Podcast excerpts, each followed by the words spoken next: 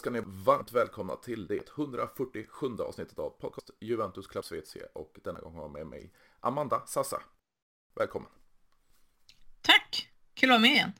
Ja, det, vi pratade lite innan och, och, eh, du skrev till mig här i, i, i juldagarna och det blev väldigt eh, tajmat för du var med i det 47 och nu 147 avsnittet. Det blir, eh, vad är det? Vad kallar man det? Gud, det heter ju någonting. Nu, nu får jag inte fram ordet, men eh, vi kan kalla det för ett eh, jubileumfirande. Absolut, absolut. Och det är ju en del eh, för din del också sen sist. Då, då var du på SVT Sporten och numera är du på TV4 och, och Fotbollskanalen. Då. Ja, det gick ganska fort där, skulle jag säga. Det, jag hamnade i kontakt med TV4 Fotbollskanalen och sen så var det snabba puckar och så vid årsskiftet så flyttade jag över till, eh, till TV4 Fotbollskanalen från eh, public service. Mm, precis, och det har även blivit eh, podd av dig också. Ja, två har vi hunnit med. Till vi hann med en Ja, vi hann med en EM-podd i somras som hette Vägen till Wembley där jag tillsammans med en kollega som heter Sebastian Pearson körde, vi körde varenda dag um, under EM. Ehm, vi följde svenska landslaget. Eh, och sen så har jag en podcast som heter Dare Pitch tillsammans med eh, Mia Eriksson där vi eh, pratar fotboll och fotbollsanalys med aktiva spelare, spelare som varit aktiva, tränare, mm, allt däremellan. Ja, precis. Och det, det är ju framförallt de fotbollen som vi koncentrerar på. Och när det gäller min lilla podd så är det ju faktiskt eh, Juventus Woman då som har skördat ganska stora framgångar sedan man bildades eh, 2017. Men eh, det ser lite annorlunda ut nu i ligan när de andra ja, storlagen på, på här sidan också har eh, eh tagit sig in på damsidan och, och gör bra resultat. Ja, men jag tycker, jag tycker det är intressant. Jag vet inte om så mycket egentligen har att göra med professionaliseringen av ligan som skedde. Om det var i somras, om jag inte har helt fel, mm. um, så tror jag att det kan ha haft med det att göra. Men um, det är ju absolut uh, intressant för man jag har ju gått in i varje liksom, italienska säsong och tänkt att uh, ja, ja, Juventus promenerar hem det här. Um, men så går det några omgångar och så ligger Inter först och sen så går det några till och helt plötsligt så är Roma i topp och Juventus är, är inte där och de har förlorat en match tror jag om jag inte har helt mm. fel. Um, och så, ja, och de har ju typ aldrig förlorat i ligan. Så att det, det är lite, man är inte riktigt van vid att se Juventus på, ja men, vara the underdogs så som de kanske har blivit lite. De är ju inte underdogs riktigt, men att de inte är på topp som de brukar vara, det är, ja, nej, det är ju intressant att följa. Ja, precis. Och om man fått se Europaspelet också förra säsongen så, så eh, höll man ju på att trycka till Lyon i, vad var det, kvartsfinalen i Champions League. Eh, man, man förlorade till sist och nu hade man det bästa försvaret i gruppspelet men ändå åker ur eh, inför slutspelet. Så, så det har ju utvecklats och, och skördat en, en framgång i Europa men nu ser det tuffare ut eh, inhemskt istället. Ja, jag tror att man, jag tror att man har fått det att funka ute i Europa. För, för man stod upp ganska bra mot Lyon och mot, mot Arsenal. Som då är lag som Juventus kanske inte riktigt är där. Men det här är ju lag som egentligen ska ta sig ja, men minst till en semifinal. Mm. Sen tror jag kanske inte att de italienska lagen, de är ganska nya på marknaden. Så jag tror inte att de ska vara där riktigt, riktigt än. Jag tror att det kommer. Um, men när man kollar då på Leon och Arsenal som, som ska ta sig dit så ser man ju att de står upp ganska bra. Sen så har ju Joe Montemurro som är huvudtränare för Juventus damer.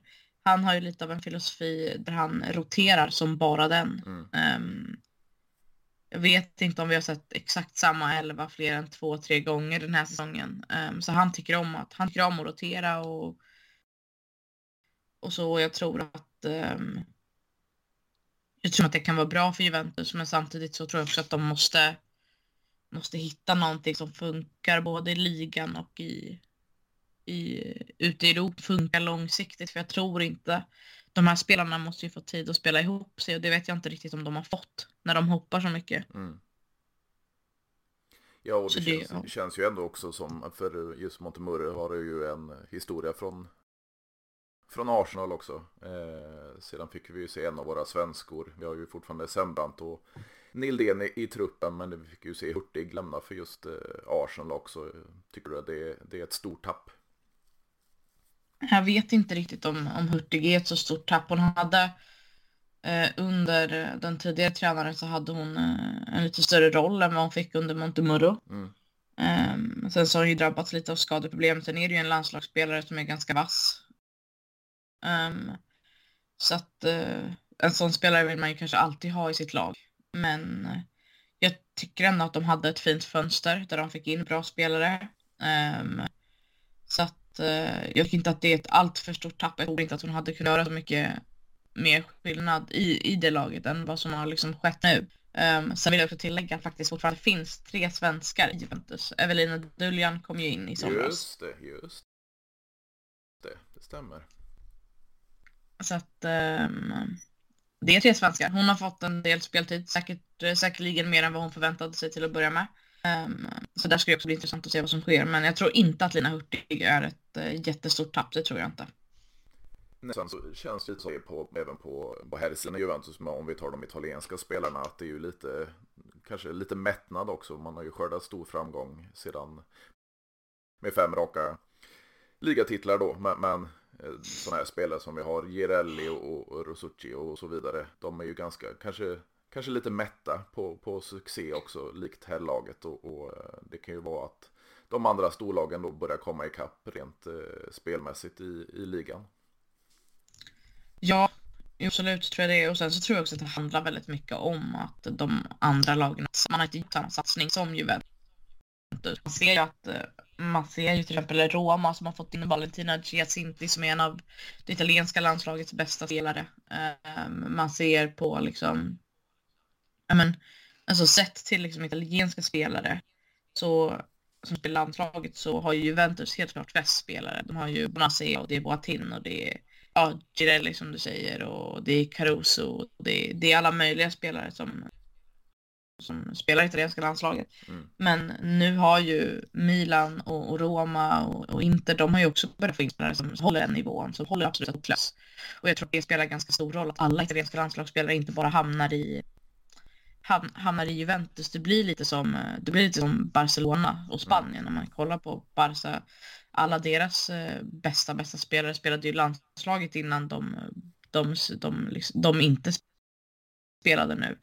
Eh, när de har gått emot sin, sin förbundskapten. Eh, men jag tror att det är lite på den. Eh, att det är på det spåret liksom att eh, nu börjar de andra lagen komma ikapp och de har också spelare som platsar. Och, jag tror liksom att det handlar mer om det än att de är mätta, för det här är ändå lite drottare och jag tror mm. att eh, de vill vinna till varje pris hela tiden. Um, så jag tror verkligen att det handlar främst om att de andra lagen helt enkelt börjar komma ikapp och börjar lära sig. Om vi tänker ur ett svenskt eh, perspektiv, varför tror du att det, det blev Milan för en, för en spelare som Aslani? Men jag tror att det är mycket som lockar med Milan för, för en spelare som Aslani. Dels så känner vi till eh, Kosses eh, historia mm. eh, i lag. Hon gick till Manchester City när Manchester City inte Manchester City. Hon gick till eh, Real Madrid när de hette Tacon. Mm. Um, bara en sån grej och var deras första värvning. Så att jag, tror, jag tror att eh, hon, hon lockas av att vara den här viktiga spelaren som Um, uh, jag tror att hon lockas av att vara den här viktiga spelaren som uh, verkligen kan hjälpa laget utvecklas och kan hjälpa laget att ta nästa steg. Och jag tror att hon, hon trivs i, med att vara en viktig spelare i ett lag som i en stor klubb. För det, det kan man inte komma undan att, att Milan är en stor klubb. Det, så är det ju. Och det, var, det är Manchester City också och det är Real Madrid också. Främst på här sidan. De är lite större där än vad de är på, på damsidan. Um, så jag tror att hon lockas av det och sen så tror jag att hon fick ett ganska bra erbjudande om jag ska vara helt ärlig. Mm. tror att det är lite pengar som spelar in också, tror jag. Och tror du där, om vi tänker i Italien också, att för vi har ju fått se storklubbar i, i Frankrike, i Sverige och, och Tyskland inom damfotbollen. Nu har ju spanska och italienska och, och ja, engelska har ju funnits tidigare. Men, men tror du att mer i Italien funderar på, på att starta damlag nu när vi får se de här? Det är ju Roma, Juventus, Fiorentina, Inter, Milan, Sampdoria, eh, Sassuolo finns ju även där och, och Parma då. Men, men tror du att man satsar mer på damlag i de stora herrlagen i Italien? Ja, alltså det, det åter så. Det är svårt att säga. Eh, så här, ja, jag tror att de kommer satsa eller jag tror inte det. Eh, jag tror mer att det handlar om att eh, jag tror att det handlar om att man ska inse att att damfotbollen är en produkt som ja men att det är en produkt där man inser att um, den är liksom den lockar publik och det lockar folk och det lockar det lockar fansen. Jag tror att det handlar mest om att komma till insikt med det snarare än att att det handlar om att lagen ska när ska de satsa eller vilka ska satsa utan det handlar mer om att de måste de måste förstå att det är en vinnande produkt och det har ju de svenska lagen eh, det, handlar, det måste ju de stora lagen också liksom så inse på något sätt tror jag. Att eh, produkten är, är vinnande. Ja absolut och det, det, känns ju som en klubb. Nu ska jag inte hylla Juventus bara men, men det känns ju som en klubb mot framtiden för vi har ju fått se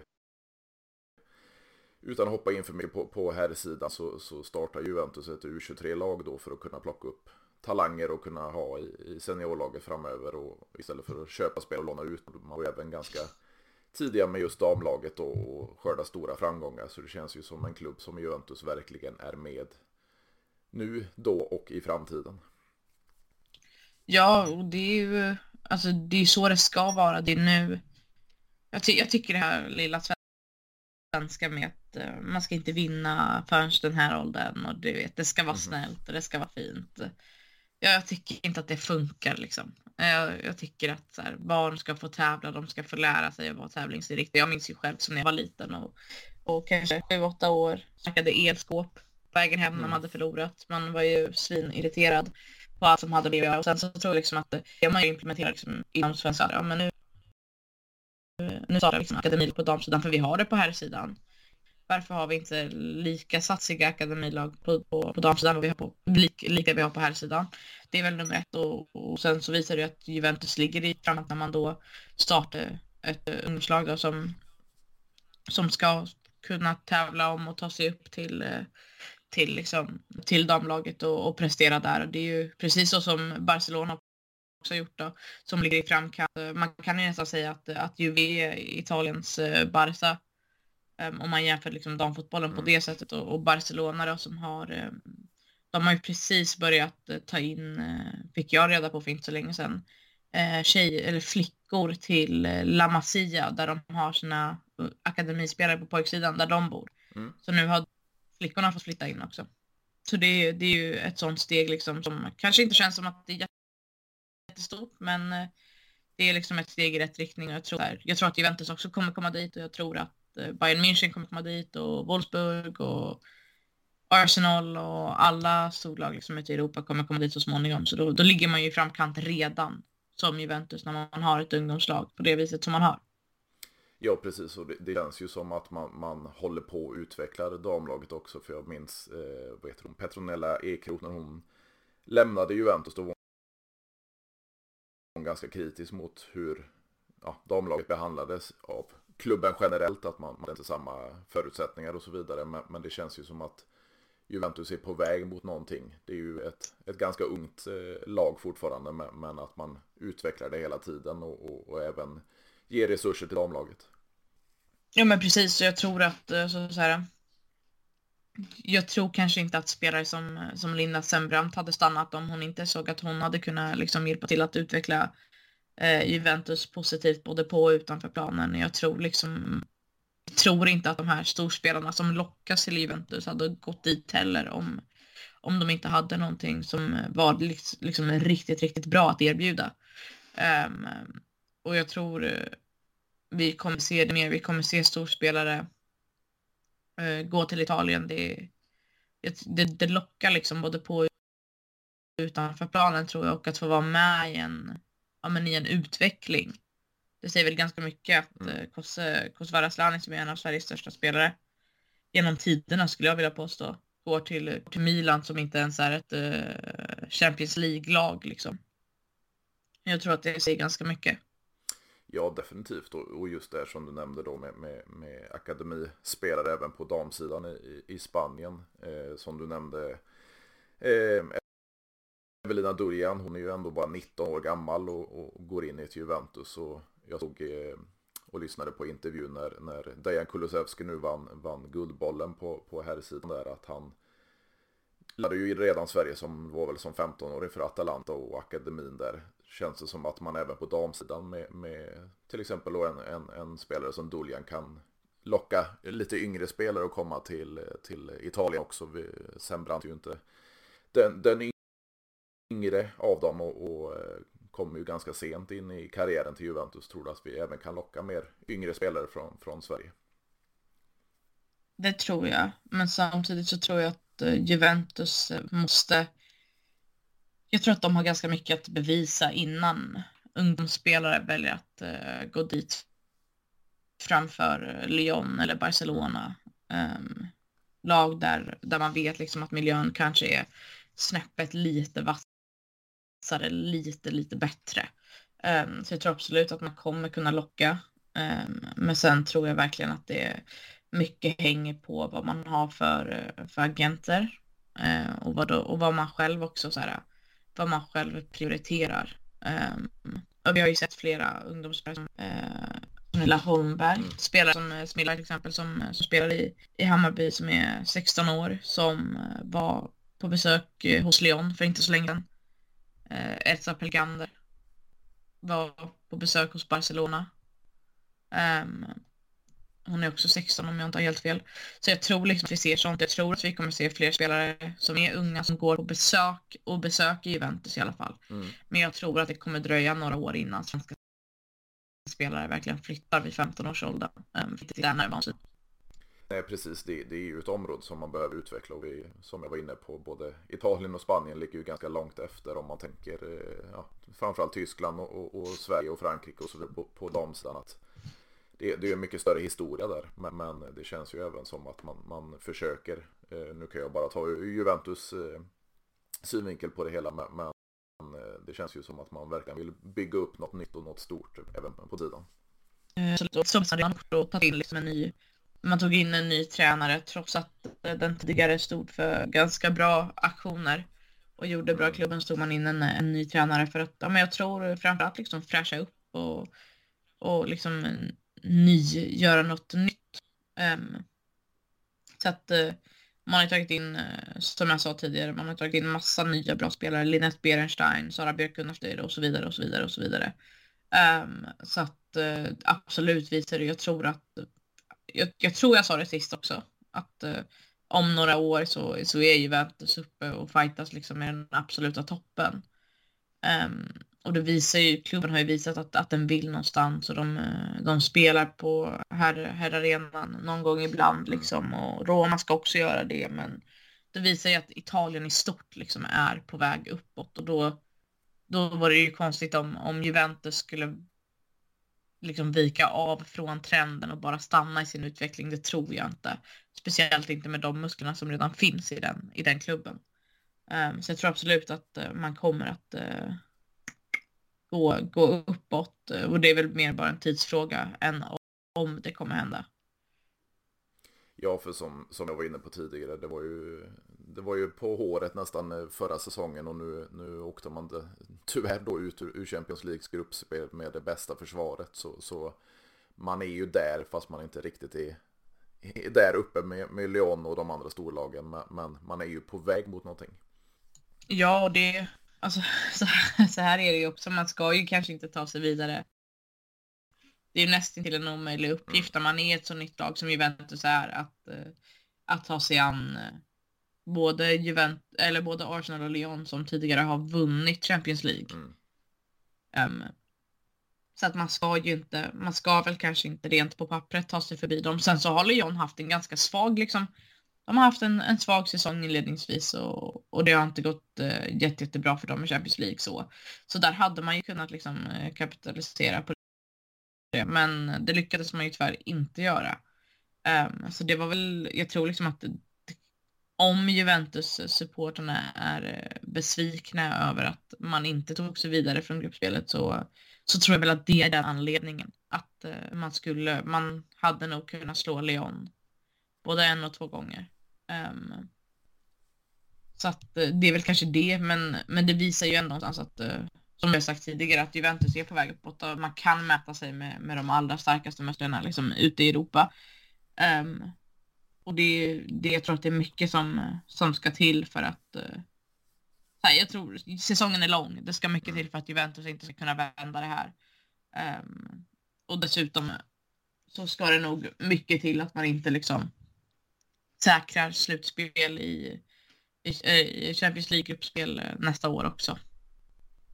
Otroligt att man kan, kan eh, vad ska man säga, applicera Eh, problematiken på herrsidan, på damsidan. Eh, när det gäller, om man tänker, det har ju varit mycket att Juventus åker ut tidigt ur Champions League slutspel på herrsidan för att man inte har den konkurrensen inhemskt i ligan. Tror du att det kan vara samma sak för, för damlaget att får man större konkurrens i ligan bland, bland topplagen att man även kan bli stark i Europaspelet? Det, det, det tror jag. Matt, det, jag tror väl att det är väl det man ser lite överallt. Det var ju många som sa att nu är det mycket Barcelona från min sida här, mm. men, men jag tycker att de, de är ganska lika. Um, det var ju många som sa att uh, Barcelonas uh, liga håller alldeles för låg kvalitet för att man ska kunna liksom, vinna Champions League, men så gjorde man det. Um, det är väl många som skulle säga att eh, Italien kanske inte har den absolut bästa ligan rent eh, konkurrensmässigt. Eh, um, ehm, så att det är klart att du blir bättre ju bättre lag du mäter dig med. Men sen så tror jag att det spelar in så jättemycket. Kolla till exempel på, på, på Barca. Är det, är det så att ligan inte håller den absolut bästa kvaliteten? Eller är det just Barcelona som är jätte, jättebra? Man kan ju vända lite på frågan också. Mm. Är det att eh, Serie A feminil inte håller, håller kvaliteten? Eller är att eh, Juventus är, är alldeles för bra? Eller att Roma är alldeles för bra? Eh, men sen så är det såklart gynnsamt att de andra lagen börjar bli lika bra som Juventus som Juventus är och varit för att Juventus också ska kunna, kunna utvecklas och, och ställas mot de här hårda motstånden vecka in och vecka ut. Så det, det är extremt viktigt och det, det, det gillar jag med damallsvenskan. Jag kanske inte är damallsvenskans absolut största fan, men det man ser i damallsvenskan är att det är en ganska jämn liga, liga um, through and through. Det är liksom kanske de här tre bottenlagen som ja, de, de håller sig i botten. Men sen så känns det som att nästan vad som helst kan hända i damallsvenskan och ligan med NWL USA. Um, så att jag tror ändå liksom att här, och men det ser ju inte heller jättemycket i och med att uh, damallsvenskan liksom har halkat och Rosengård har uh, åkt ur Champions League de med. Um, så jag vet inte, det är en svår fråga uh, med många olika aspekter till den att uh, ja, lagen kan ha blivit bättre, det kan vara gynnsamt. Samtidigt så är man kanske bara så bra som Barcelona är. Det, det är en intressant fråga, det mm. måste jag säga. Absolut. Och det är lite som jag känner så här, när jag själv var yngre och, och spelade fotboll själv, och tänkte jag damfotboll, då, då var det ju Sverige som var, var i topp och det var ju framförallt eh, Umeå då kanske som, som låg där uppe, men som du är på damallsvenskan ligger ju inte riktigt så högt rankade idag, vad skulle du sätta om, om du jämför allsvenskan med, med Serie A Femin eller till exempel då? Eh, hur skulle du ranka ligorna? Oj. Um, ska jag vara lite politiskt korrekt och säga att det finns en Uefa-ranking ute där Italien faktiskt precis har gått om damallsvenskan. Mm. Um, så nu är det the big five. Det är väl, är det Tyskland som ligger först kanske? Um, och sen så är det Frankrike, England, Spanien, och uh, Italien. Jag vet inte exakta, exakta ordningen. Um, men det är väl någonstans där jag skulle väl personligen ranka Tyskland. Sen, uh, alltså jag, det är många som kommer, varför säger du inte England? Nej, för att jag är så emot den engelska fotbollen på damsidan att det inte klokt. Um, även om jag tycker att det är kul att kolla på ibland. Um, men Sen tror jag, tror att det är Tyskland och så skulle jag väl kanske vilja säga Spanien, Frankrike, England, Italien. Och då är det ändå, ja som sagt, damallsvenskan har halkat efter men, men, tror du alltså i, i framöver att vi fortfarande kan hålla kvar våra spelare i Sverige och inte släppa dem till de här, the big five som du säger, att, att vi i Sverige då kan, kan behålla både talanger och erfarna spelare, eller har så långt efter i, i, i rankingen. Vet inte om vi tog upp det sist heller, men jag säger det igen i så fall. Mm. Jag tror att damallsvenskan och jag pratade med Therese Sjögran om det här för inte så länge sedan. Hon är sportchef för FC Rosengård när vi var i Barcelona. Mm. Då FC Rosengård skulle på Camp Nou. Eh, och då sa hon att hon tror att eh, det gäller att fortsätta utveckla talanger för det är vi, det är absolut i framkant. Där är vi absolut i framkant. Sverige är är fruktansvärt bra på att utveckla talanger som sen ska klara sig ute i Europa. Um, lite som en utvecklingsliga skulle jag se damallsvenskan som nu. Man kommer ha svårt att du kommer inte kunna få det här laget som FC Rosengård hade med Marta Like Martens, Sara Björk Gunnarsdotter, Ella Masser. Du kommer inte få det gänget igen till ett svenskt lag. Det finns inte på världskartan. För det, där kan man inte mäta sig, varken sportsligt eller ekonomiskt. Så då är det ingenting som lockar de redan etablerade världsstjärnorna. Eh, det är väl nummer ett. Då måste man börja kolla, okej, okay, vad kan vi göra för att vi ska kunna få in, för att vi ska kunna gå runt ekonomiskt. Okej, okay. ja men vi kollar på ungdomsspelare som vi kan utveckla för att vi sedan ska sälja dem vidare. Alternativt liksom, har man tur att få ett, ett riktigt guldkorn, ja men då får man det och så kan man skicka det vidare. Um, på något sätt. Um, så det där tror jag att Sverige kommer hamna i, i utdelningsfas. Och sen tror jag att eh, vi kommer få se en mix av den nederländska ligan eh, på här sidan och LS i USA. Jag tror mm. att vi kommer ha en hel del som kommer och avslutar sina karriärer. De varvar ner i Sverige. De kör ett litet ärovarv i damallsvenskan och sen är de färdiga. Um, tror jag. Um, sen vet jag inte om det stämmer och man kanske väljer att göra sitt eh, ärovarv i NWSL. Mm. Det, det vet jag inte. Det är säkert bättre pengar där än vad det är här. Men vill man liksom vara ner och liksom bara njuta av bra fotboll då tror jag att man kommer tillbaka till Sverige och kör en runda till. Hur tror du det då är i Italien om vi, om vi tar talanger alltså som kommer upp? Är det lite, lite som på här sidan att man, man är hemmakära i Italien? För det, det, det ser man ju på många italienska eh, spelare på hem, hemma. De vill stanna på hemmaplan. Är det samma med, med de italienska talangerna på damsidan? Eh, det tror jag. De har ju den här klubbkärleken som man kanske inte riktigt har inom damallsvenskan till exempel. Mm. Det här är ju... Tyckte att jag såg någon bild på någon häromdagen i en Juventus-tröja när den var liksom fem, sex år. Mm. Det, här är ju, det här är ju spelare som har följt Juventus sedan de var fem, sex år. Det är spelare som, som har varit och kollat på herrlaget. Det är spelare som, som drömmer om att ändå få spela på Allians. Liksom det, är, det, det är spelare som dör för Juventus, som dör för klubben. Um, jag tycker det säger ganska mycket att Aurora Gaggi som gick till Everton är den första italienska spelaren som gick utomlands. Jag mm. tycker mm. att det säger ganska mycket om hur hemmakära damerna i Italien är och hur, hur gärna de liksom vill spela för, för sin, eh, sin favoritklubb och sen så Juventus är störst i, Italien skulle väl jag kanske vilja påstå. Och då tror jag att man vill ehm, då vill man nog eh, vara hemma och, spela för den klubben som man håller allra kärast. Och det tror jag att vi kommer få se liksom i England och Spanien och jag tror att vi kommer få se det i de här andra länderna också att eh, man väljer att stanna kvar för att eh, det finns möjlighet, ekonomiska möjligheter att få, ja, men, få stanna i, sitt, i sin moderklubb liksom. Om vi ser utanför eh, Europa. Vi har ju fått se en, en kanadensiska i, Julia Grosso i Juventus som, som har gjort det ganska bra nu under den här säsongen och, och eh, vet det, när man tittar på, på damligorna så, så kanske inte Kanada är där uppe men, men amerikanska ligan finns ju där. Tror du vi ser mer spelare från, från Nordamerika som kommer till, eh, till Italien och, och eh, övriga Europa? Intressant. Det finns ju en hel del. Jag tror att eh, kanad kanadensiskorna, kanadenserna, kritikerna. Ja, man kan köpa dem många namn. Um, men jag tror att liksom de, de spelarna från eh, Kanada är mer... De har nog enklare att komma till, till ligor i Europa och verkligen liksom känna att de vill spela ut i Europa än vad amerikanskorna har. För att uh, det finns ju fler kanadensare i Europa än vad det finns amerikaner. Mm. tror jag, rent sett till liksom så landslagsspelare eller lite, liksom, lite större namn.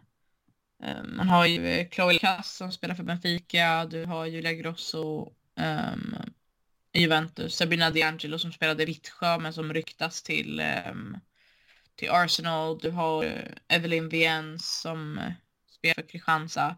Så att, um, ja, Jesse Fleming, Chelsea. Det finns en hel del. Um, så jag tror absolut att vi kommer få se mer sånt, men sen så tror jag också att det handlar väl väldigt mycket om så här från spelare till spelare och nu ska Kanada också få en liga eller ett lag som går in i NWSL. Jag vet inte riktigt hur det fungerar. Men det är någonting som sker i, i Kanada just nu. Um, och då kanske vi kommer få se färre kanadensiska spelare. Och de kanske sen också väljer att göra sitt ärvarv hemma i och med att uh, ligan då kommer vara ganska nystartad. Ja precis, för det, det känns ju alltså, amerikanska damlandslaget har ju funnits med i, i alla tider känns det som, men just kanadensarna är väl inte riktigt där, men växer sig vad ska man säga, damfotbollen har ju faktiskt varit större i USA än vad den varit på här sidan men, men tror att den kommer växa ännu mer från den amerikanska sidan. Jag tror att de, eh, jag tror att de är liksom ganska nöjda de amerikanska spelarna med att eh, stanna hemma i USA och spela där och det, och det, det ser man. Sen så tror jag så här, kollar man sett till liksom så här äh, stationer på senare tid så är väl kanske USAs landslag inte där uppe fortfarande. De är ju inte liksom, jag tror att de kommer ha svårt att mäta sig med europeiska lag i framtiden.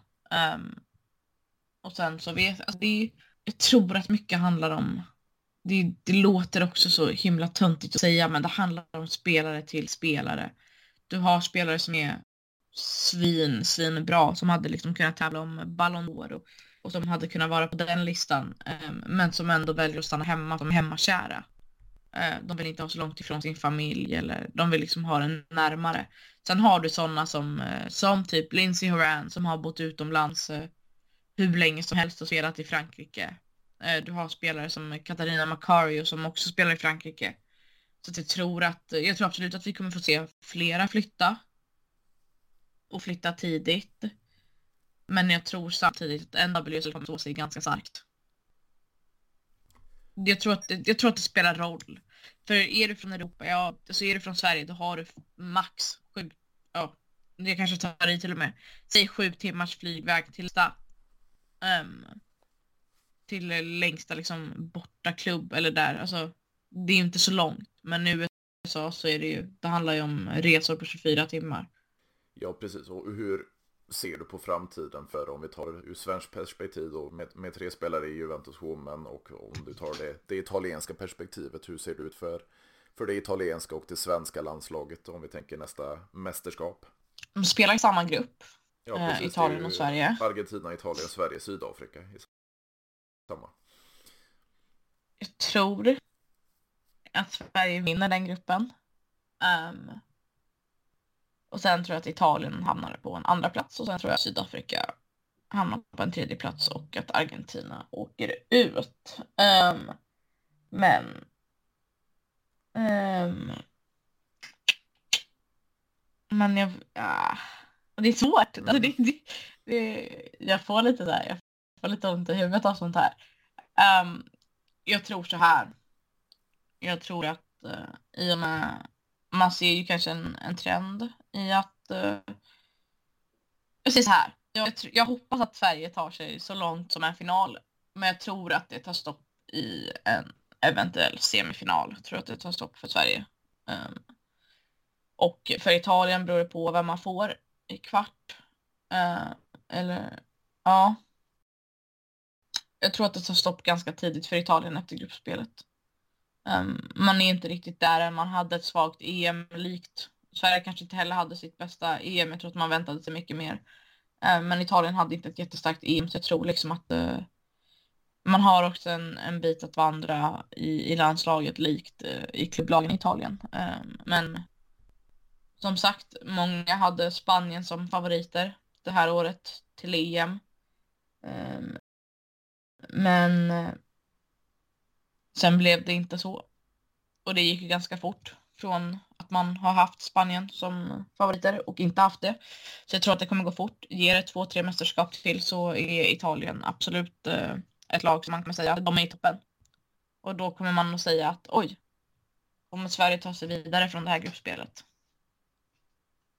Jo men det känns ju ändå som, som eh, du är inne på det, att Italien är ju ett generationsskifte. Men, men tror du att Sverige har halkat så pass efter på grund av damallsvenskan och den kvaliteten? Eller tror du bara att det, det är ett eh, senare generationsskifte i Sverige som, som gör detta?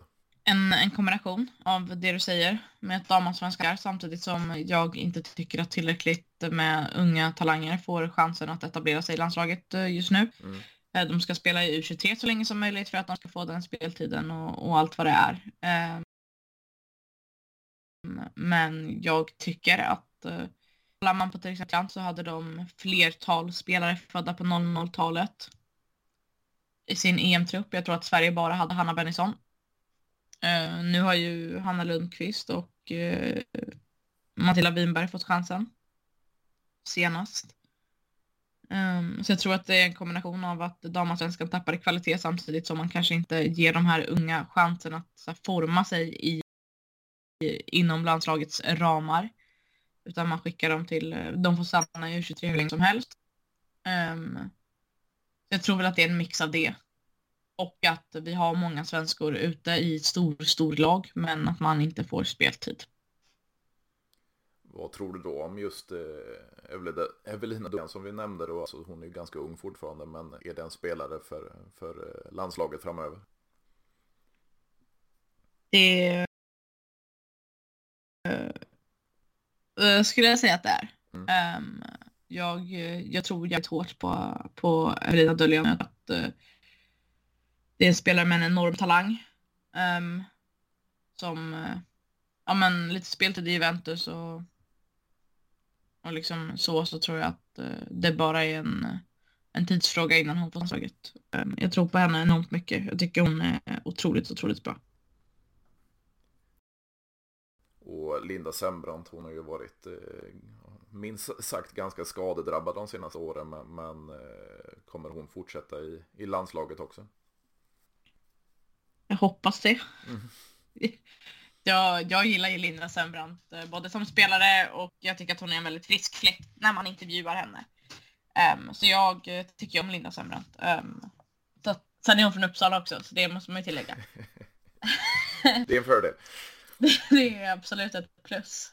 Um, så att jag hoppas att hon... Uh, nu vet jag inte hur gammal Linda är exakt. 35. 35. Men då tycker man ju att hon, vi går in i 2023. Tre år till. Ja, jag tycker att hon borde hålla till, till sista mästerskapet 2025. Jag tror att det är ett, är ett EM 2025 kanske. Ja, det borde bli då. Det borde bli. Jag hoppas att hon håller till EM 2025. För det är ändå gediget. Hon har 126 landskamper så hon är ju ganska, ganska mycket veteran om man säger så. Men, men eh, du tror att hon är, håller två mästerskap? Nej, det tror jag inte att hon gör. utan jag hoppas att hon gör det. Mm. Um, men uh, rent krasst så tror jag att hon håller. Uh... Jag tror att VM kan vara hennes sista mästerskap. Det tror jag.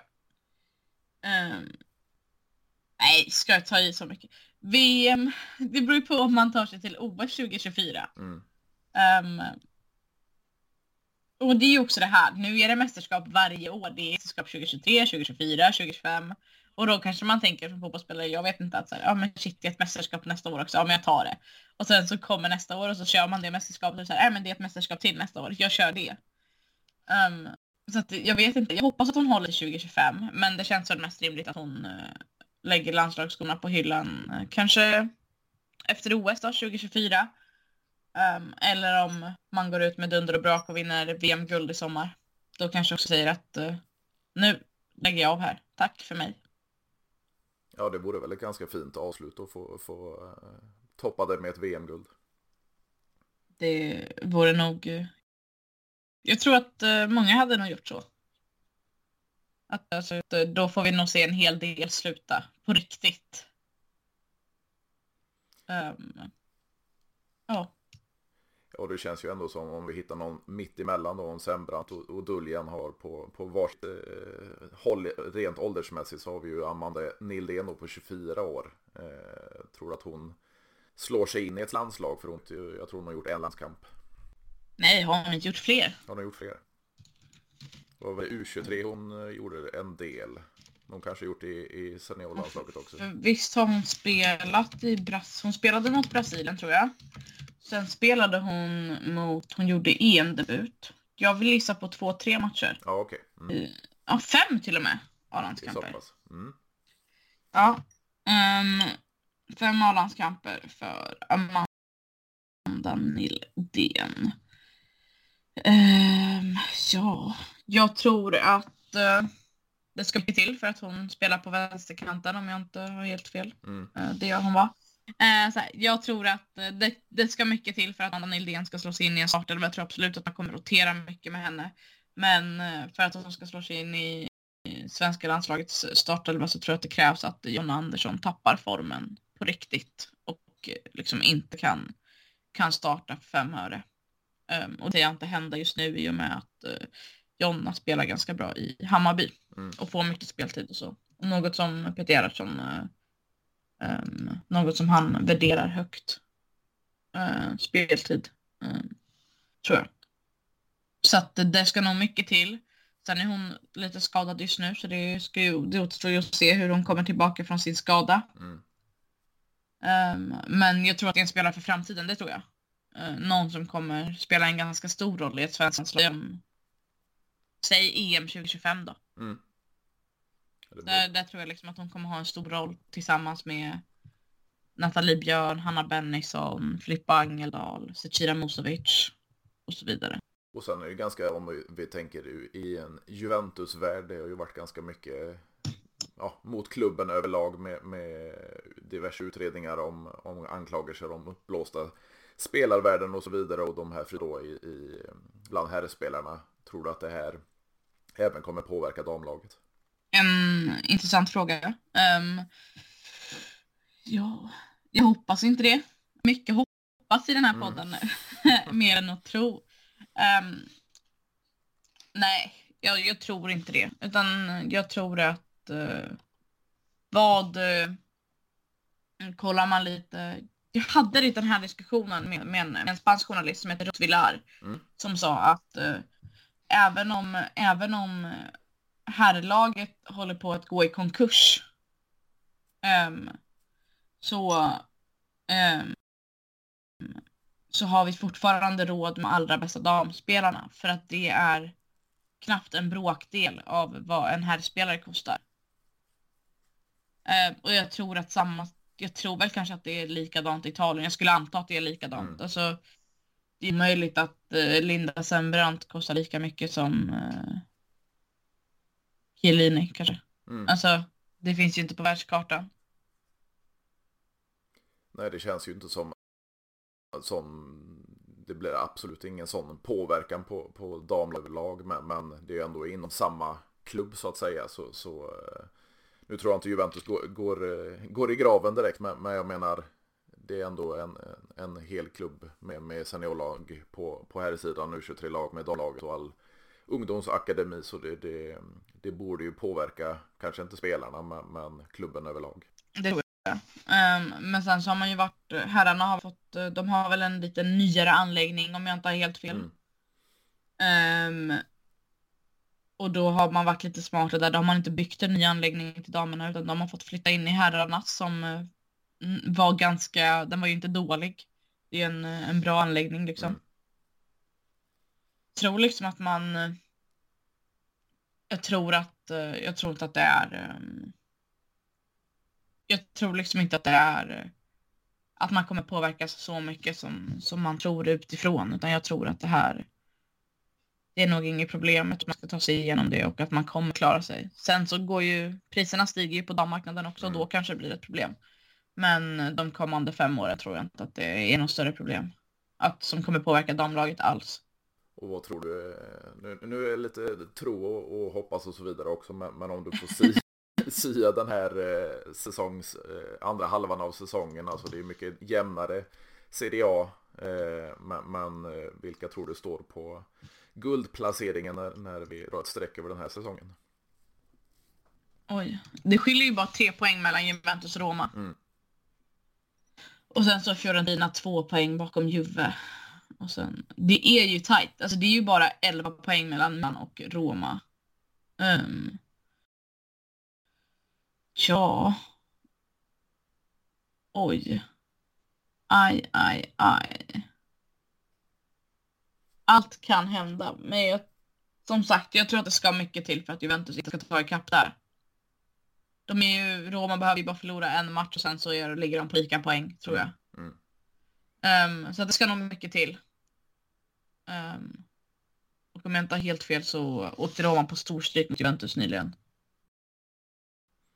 Det blev 4-2. Um, ehm, så att uh, jag tror att Juventus vinner i år igen, men det blir tajt. Ja, och man, får ju, man kan ju faktiskt fokusera på, på ligan nu när man inte är kvar i, i Champions League också. Och Det är båda väl kanske inte för rivalerna i ligan.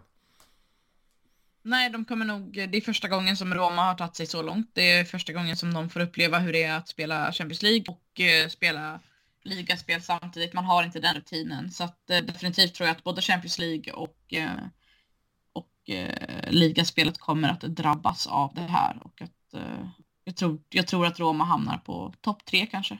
Mm. Tredje plats. Men ändå väldigt spännande, för jag tycker ju det, det har varit så på, på här i sidan att jag som Juventino vill ju ha en större konkurrens i ligan. Nu har vi ju fått se herrlaget med eller två raka fjärdeplaceringar, men, men när det var rik, nio raka ligatitlar, det var lite tråkigt som Juventino också. Och då, då har man ju fått se damlaget med, med stora gånger så att det är lite större konkurrens i ligan. Det, det är väl även fint för, för oss Juventino. Ja, eller man vill väl att det man vill ju inte kunna vandra hem en liga, precis, eller? Precis, och det är det som känns lite, lite mer spännande nu när, när inte bara Juventus Women drar igenom ligan utan att det finns större konkurrens från de, från de andra lagen och att andra ger sig ut i Europaspelet också. Precis, och jag tror att eh, vi kommer få se ännu jämnare ligor i, i Europa också. Alltså det handlar om England, Spanien, Tyskland, Italien, Frankrike. Det återstår bara att se när det sker. Mm. Ja men det, det, det är kul att se en, en liga som Juventus. För jag som sagt, när jag var själv var yngre så, så kunde man ju följa eh, lite mer damfotboll från svenskt håll. Men, men nu när man har halkat efter så pass så Juventus, mitt Juventus då ger sig in i, i, i damfotbollen och, och skördar framgång så, så är det även riktigt kul för mig att kunna följa. Ja, men det det känner väl jag liksom likadant att det, det är roligare att följa nu. Jag sitter väl hellre och kollar på, tyvärr, om jag jobbar liksom, om jag inte är ute på någon match i damallsvenskan sitter jag hellre och kollar på någon av matcherna som spelas av the big five. Mm, precis, precis. Men stort tack Amanda för att du ville vara med igen och vi får väl ta ett snack igen när, när eh, ligan går mot sitt slut och se om du får rätt att Juventus eh, ännu en gång tar sig upp på, på en guldplacering. Det låter som en superidé. Jag tror på det i alla fall. Det är skönt att höra. För, från, från mitt håll i alla fall så uh, får jag hoppas att det går vägen och att det blir lite Champions League nästa säsong för, för Juventus. Fingers crossed. Precis. Men som sagt, stort tack Amanda för att du ville vara med igen så, så hörs vi framöver. Tack själv. Tack, tack. Ha det bra. Detsamma. Hej. Hej.